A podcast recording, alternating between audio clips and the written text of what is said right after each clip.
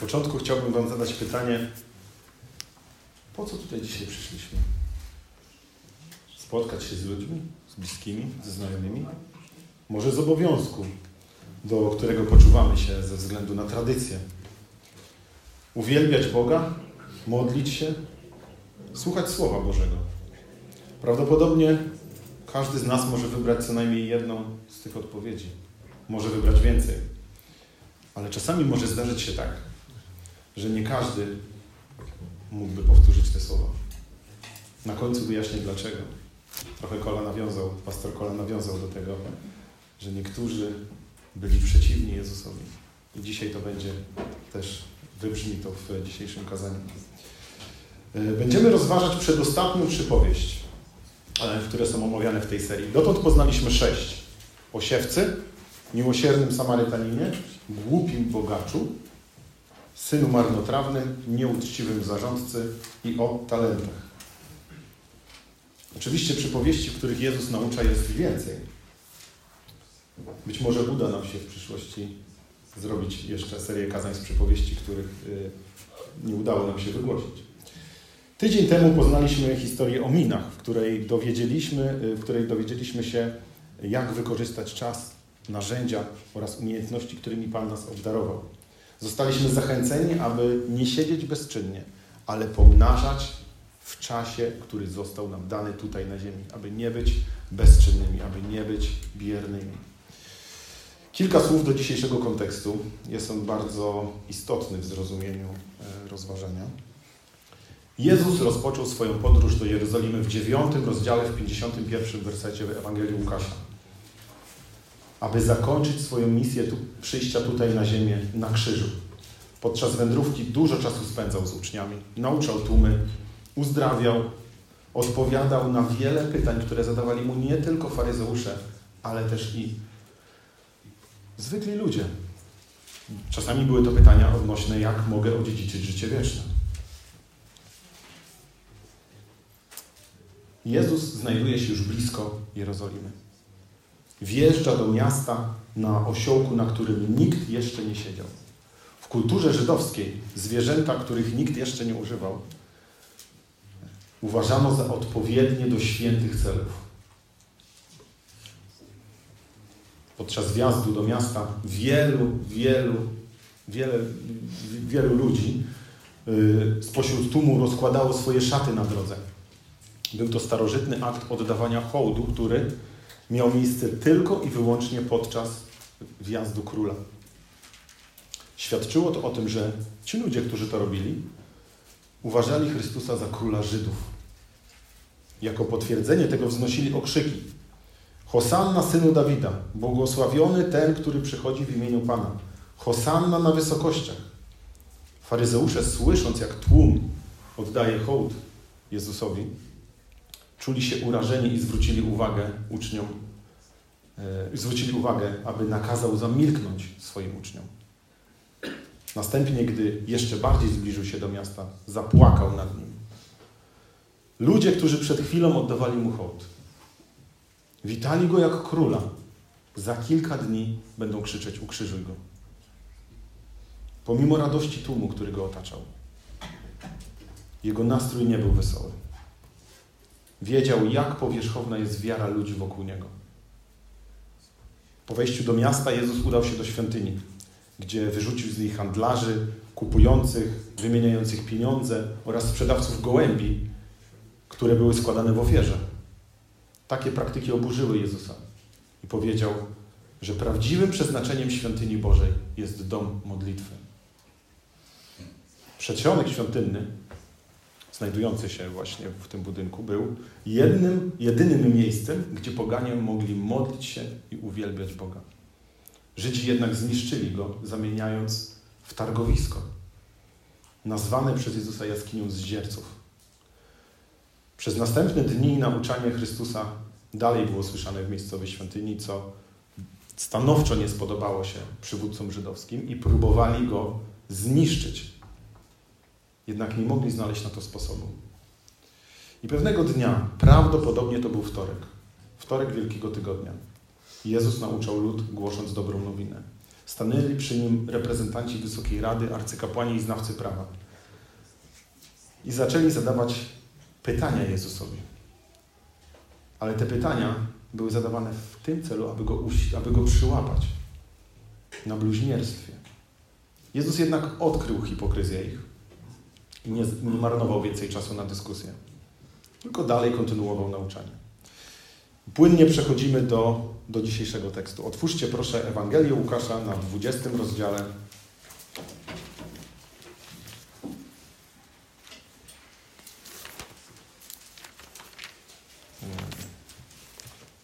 Na 20 rozdziale będziemy czytać wersety od 9 do, do wersetu 19.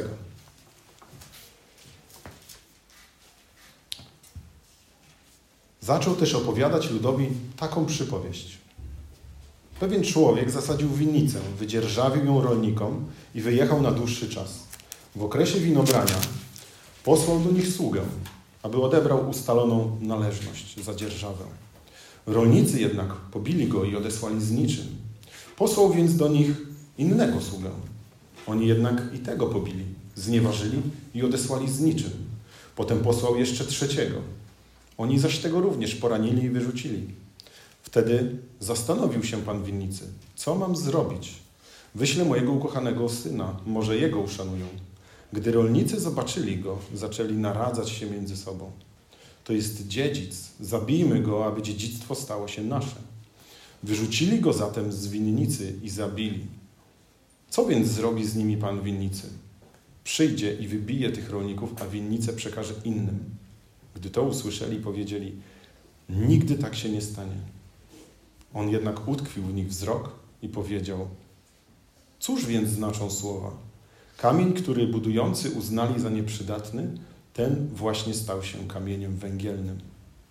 Każdy, kto potknie się o ten kamień, rozbije się, a na kogo on spadnie, zmiażdży go. W tym momencie znawcy prawa i arcykapłani chcieli go schwytać. Zrozumieli bowiem, że przypowieść tę skierował przeciwko nim. Bali się jednak ludu. Panie, proszę Cię o to, aby Twoje słowo posilało nas, Panie, aby zmieniało nasze serca. Aby, Panie, nie wpadało jednym uchem, a wypadało drugim, ale aby wydało owoc, Panie. Abyśmy my wydawali owoce poprzez właśnie Twoje słowo, poprzez Twoje słowo, które ma nas zmieniać. Prowadź nas, Panie, każdego dnia. Otwórz serca na to, co dzisiaj będę głosił, Panie. I dziękuję Ci, że mogę być użytecznym narzędziem, Panie. Amen.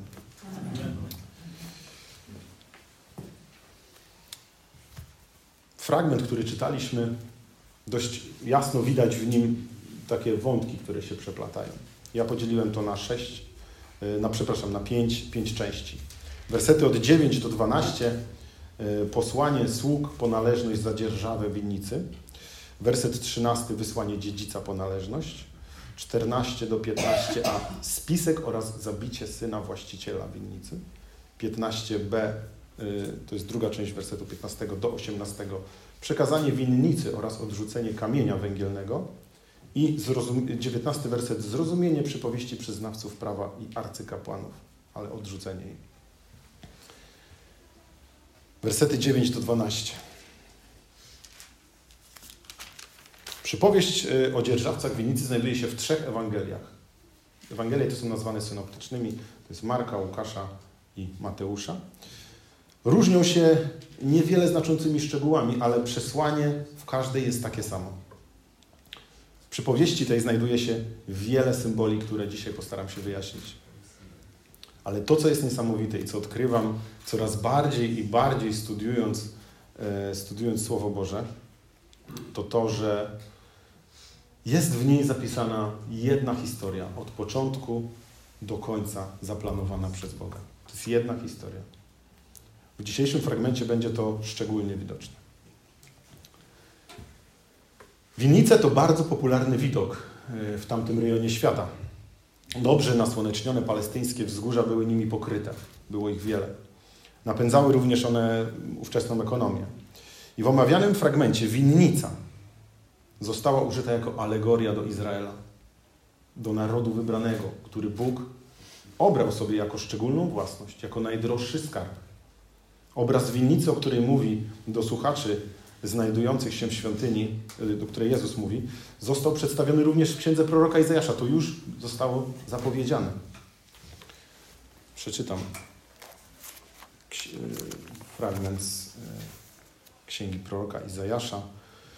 Piąty rozdział, wersety od pierwszego do siódmego. Posłuchajcie. Zaśpiewam mojemu przyjacielowi jego, jego, miło, jego miłosną pieśń o jego winnicy.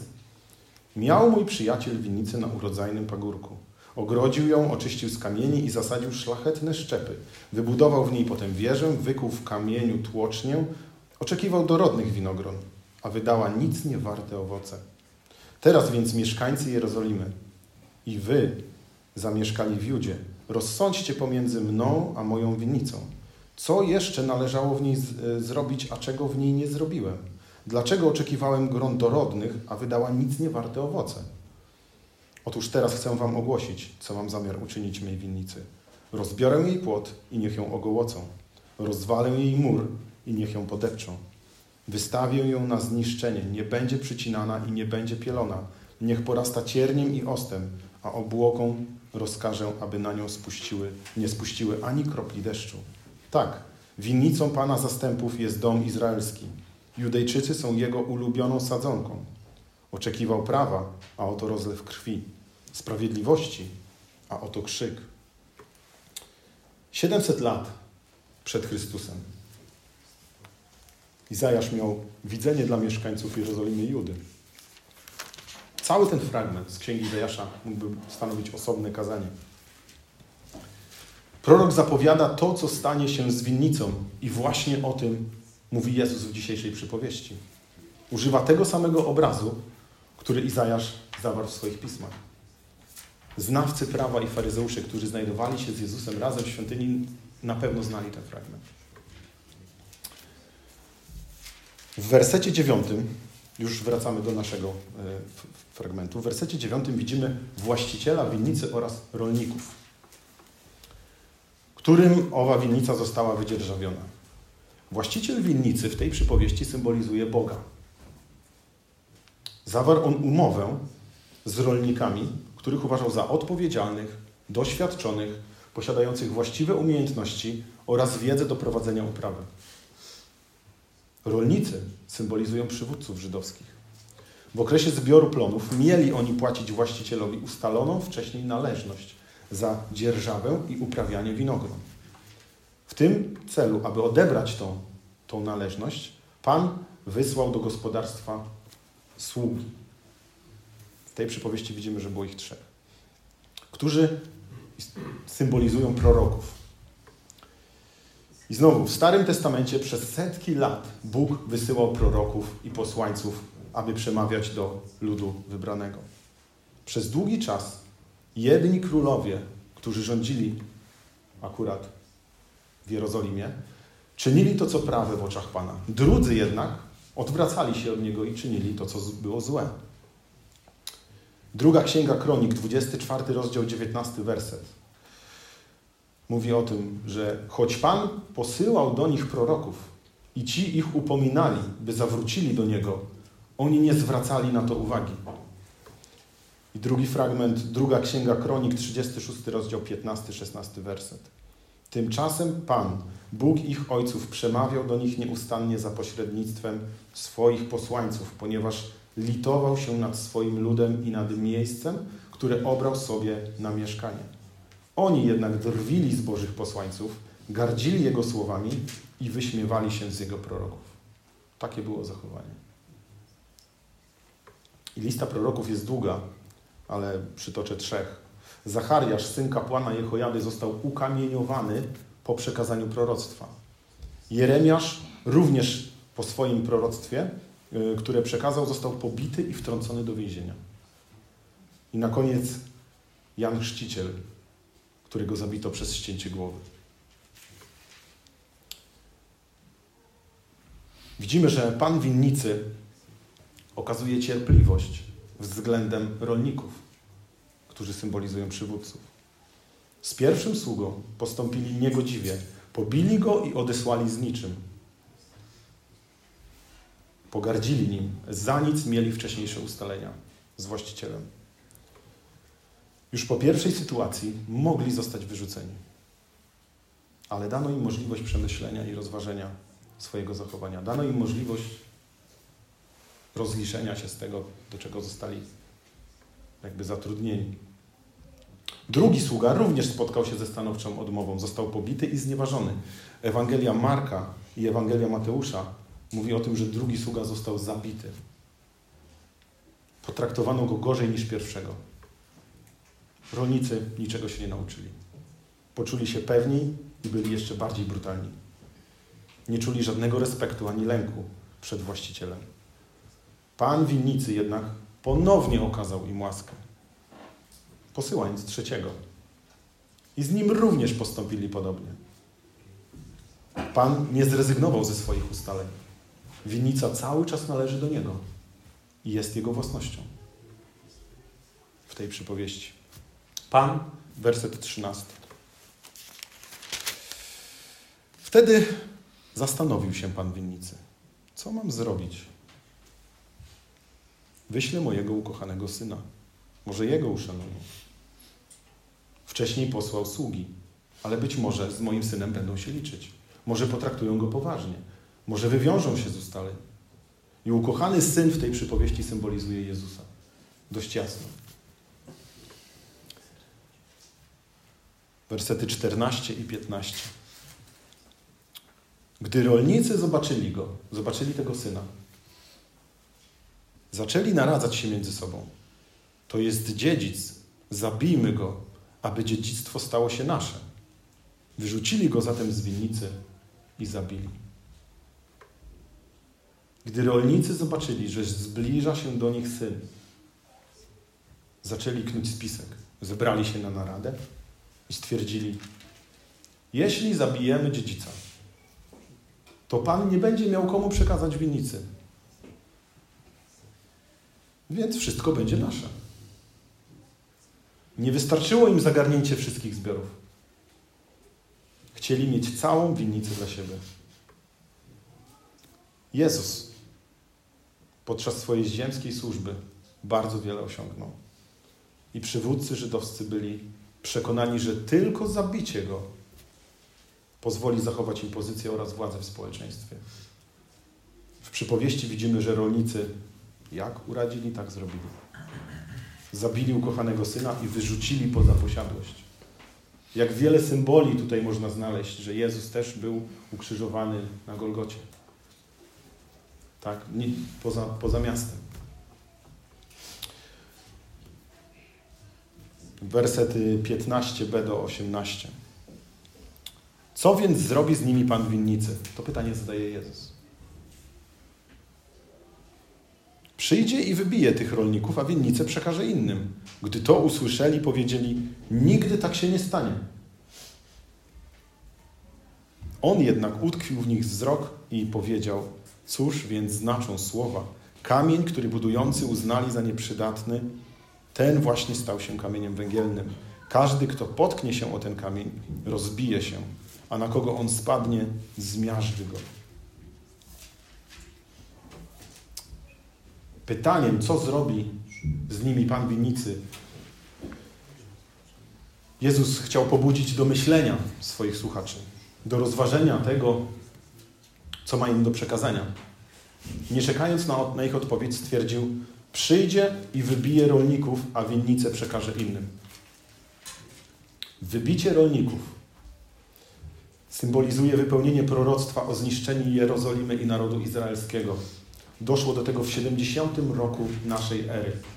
Podczas oblężenia miasta armia rzymska pod wodzą e, cesarza Tytusa Flawiusza po czterech miesiącach walk w dniu 11 września zdobyła Jerozolimę.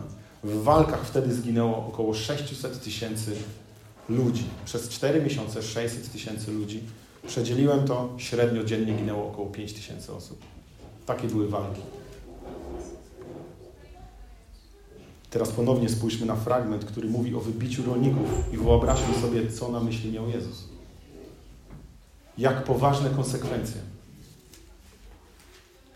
Przekazanie winnicy innym Już jak Pan ich wybije, to przekaże innym. Y, przekazanie winnicy obrazowało włączenie do kościoła pogan. Bóg dał Żydom jako pierwszym plan zbawienia. Oni jednak odrzucili Ewangelię. Co jest w tym wszystkim bardzo ważne i o czym możemy przeczytać w Biblii już od samego początku, w Księdze Rodzaju, to to, że zbawienie nie miało dotyczyć tylko jednego narodu wybranego, ale było dla wielu narodów. To było zapowiedziane już w Księdze Rodzaju. Bóg nigdy nie wyparł się i nie wyprze tego, co zapowiedział. Tłum znajdujący się w świątyni zawołał: Nigdy tak się nie stanie. Sposób, w jaki zareagowali na słowa Jezusa, może świadczyć o tym, że oni zrozumieli to, co on do nich mówił. Jezus po tych słowach utkwił w nich wzrok. Spróbujcie sobie wyobrazić spojrzenie Jezusa, kiedy mówi do nich ten oczy w oczy, tak jak ja bym mówił do Koli prosto. Cóż więc znaczą słowa? Kamień, węgiel, kamień, który budujący uznali za nieprzydatny, ten stał się kamieniem węgielnym. Zadaje im kolejne pytanie. Konfrontuje ich. Jest to cytat z Psalmu 118. Co to jest kamień węgielny? Współcześnie określa się tak pierwszy położony kamień rozpoczynający budowlę. Znajduje się w miejscu zetknięcia dwóch zewnętrznych ścian budynku. Tak? Jest to pierwszy kamień w ziemi. I znaczenie przenośne to jest fundament, może, może być też, może też nazwać podstawę. W tym fragmencie to Chrystus jest kamieniem węgielnym. On mówi o sobie. Budujący, czyli fałszywi przywódcy Izraela, odrzucili go i uznali za nieprzydatny. Nie potrzebujemy takiego kamienia. Jednak okazał się on kamieniem węgielnym dla wierzących, podstawą, fundamentem, kamieniem, bez którego cała budowla nie mogłaby istnieć. Cała budowla jest posadowiona na tym kamieniu.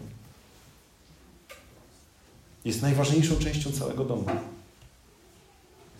To Bóg buduje duchową budowlę i umieszcza tam wszystkich wierzących. Scala ich ze sobą nawzajem oraz z Chrystusem. Wiecie jeszcze, jakie cechy mają kamienie? Różnią się od siebie. Nie ma dwóch takich samych kamieni. Nie ma dwóch identycznych kamieni. Są bardzo podobne. Wagą, wielkością, rozmiarem. I trudniej buduje się budowlę z kamieni niż z cegieł.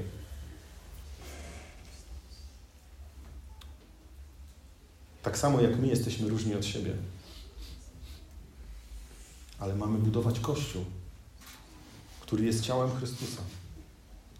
Dla wierzących kamień węgielny, dla, przepraszam, dla niewierzących kamień węgielny będzie tym, o który będą się potykać, upadać oraz który na końcu ich zmiażdży. O tym właśnie Chrystus mówi w wersecie 18. Przechodzimy do końca, ostatni werset. W tym momencie znawcy prawa i arcykapłani chcieli go schwytać. Zrozumieli bowiem, że przypowieść tę skierował przeciwko nim. Bali się jednak ludu. Jezus, będąc coraz bliżej swojej śmierci, coraz częściej konfrontował y, arcykapłanów i znawców prawa, aby jakby obnażyć ich hipokryzję. Czasami zdarza się nam słyszeć po kazaniu modlitwy y, lub rozmawiać w kawiarence, czasami nawet w domu, mąż z żoną, y, że dzisiejsze kazanie było jak najbardziej do mnie. Coś mnie dotknęło. I najczęściej jesteśmy tym zbudowani. Rzadko jesteśmy zniechęceni. I w przypadku faryzeuszy i znawców prawa było podobnie, ale oni zrozumieli nauczanie Jezusa. Z jedną bardzo istotną różnicą. My chcemy być posłuszni Słowu Bożemu, a oni chcieli po tym wszystkim schwytać Jezusa. Chcieli zrobić wszystko, żeby On dalej nie głosił. Oni, oni wiedzieli, co On mówi do nich. Nie pozwólmy mu, bo jest to zagrożenie dla nas. Chcieli go zabić. Chcieli zrobić dokładnie to, co przed chwilą usłyszeli w nauczaniu. Chcieli odrzucić kamień węgielny.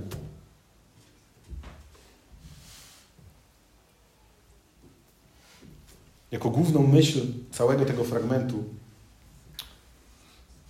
Może być takie zdanie: łaskawy i cierpliwy Bóg posyła swojego syna, który zostaje odrzucony i zabity z chęci przejęcia dziedzictwa. A co mieli zrobić z tym ludzie, do których, którzy to słyszeli, którzy byli odbiorcami e, tego fragmentu? Posyłam do Was mojego syna, który jest nie tylko dziedzicem, ale i kamieniem węgielnym, na którym zbuduję mój kościół. Nie odrzucajcie go, abyście się nie potknęli o niego i aby was nie zmiażdżył. A jakie zastosowanie może być dla nas dzisiaj? Kim dla Ciebie jest Chrystus? Kim dla Ciebie jest Boży Syn? Czy jest Twoim Panem Zbawicielem? Czy jest kamieniem w budowli, która stoi na fundamencie Chrystusa? Czy może odrzucasz go? Uważasz, że jest nieprzydatny? Jest dla ciebie kamieniem, o który ciągle się potykasz.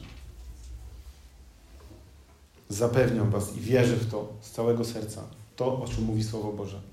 Albo Jezus będzie dla kogoś kamieniem węgielnym, albo będzie kamieniem, który ostatecznie zmiażdży go.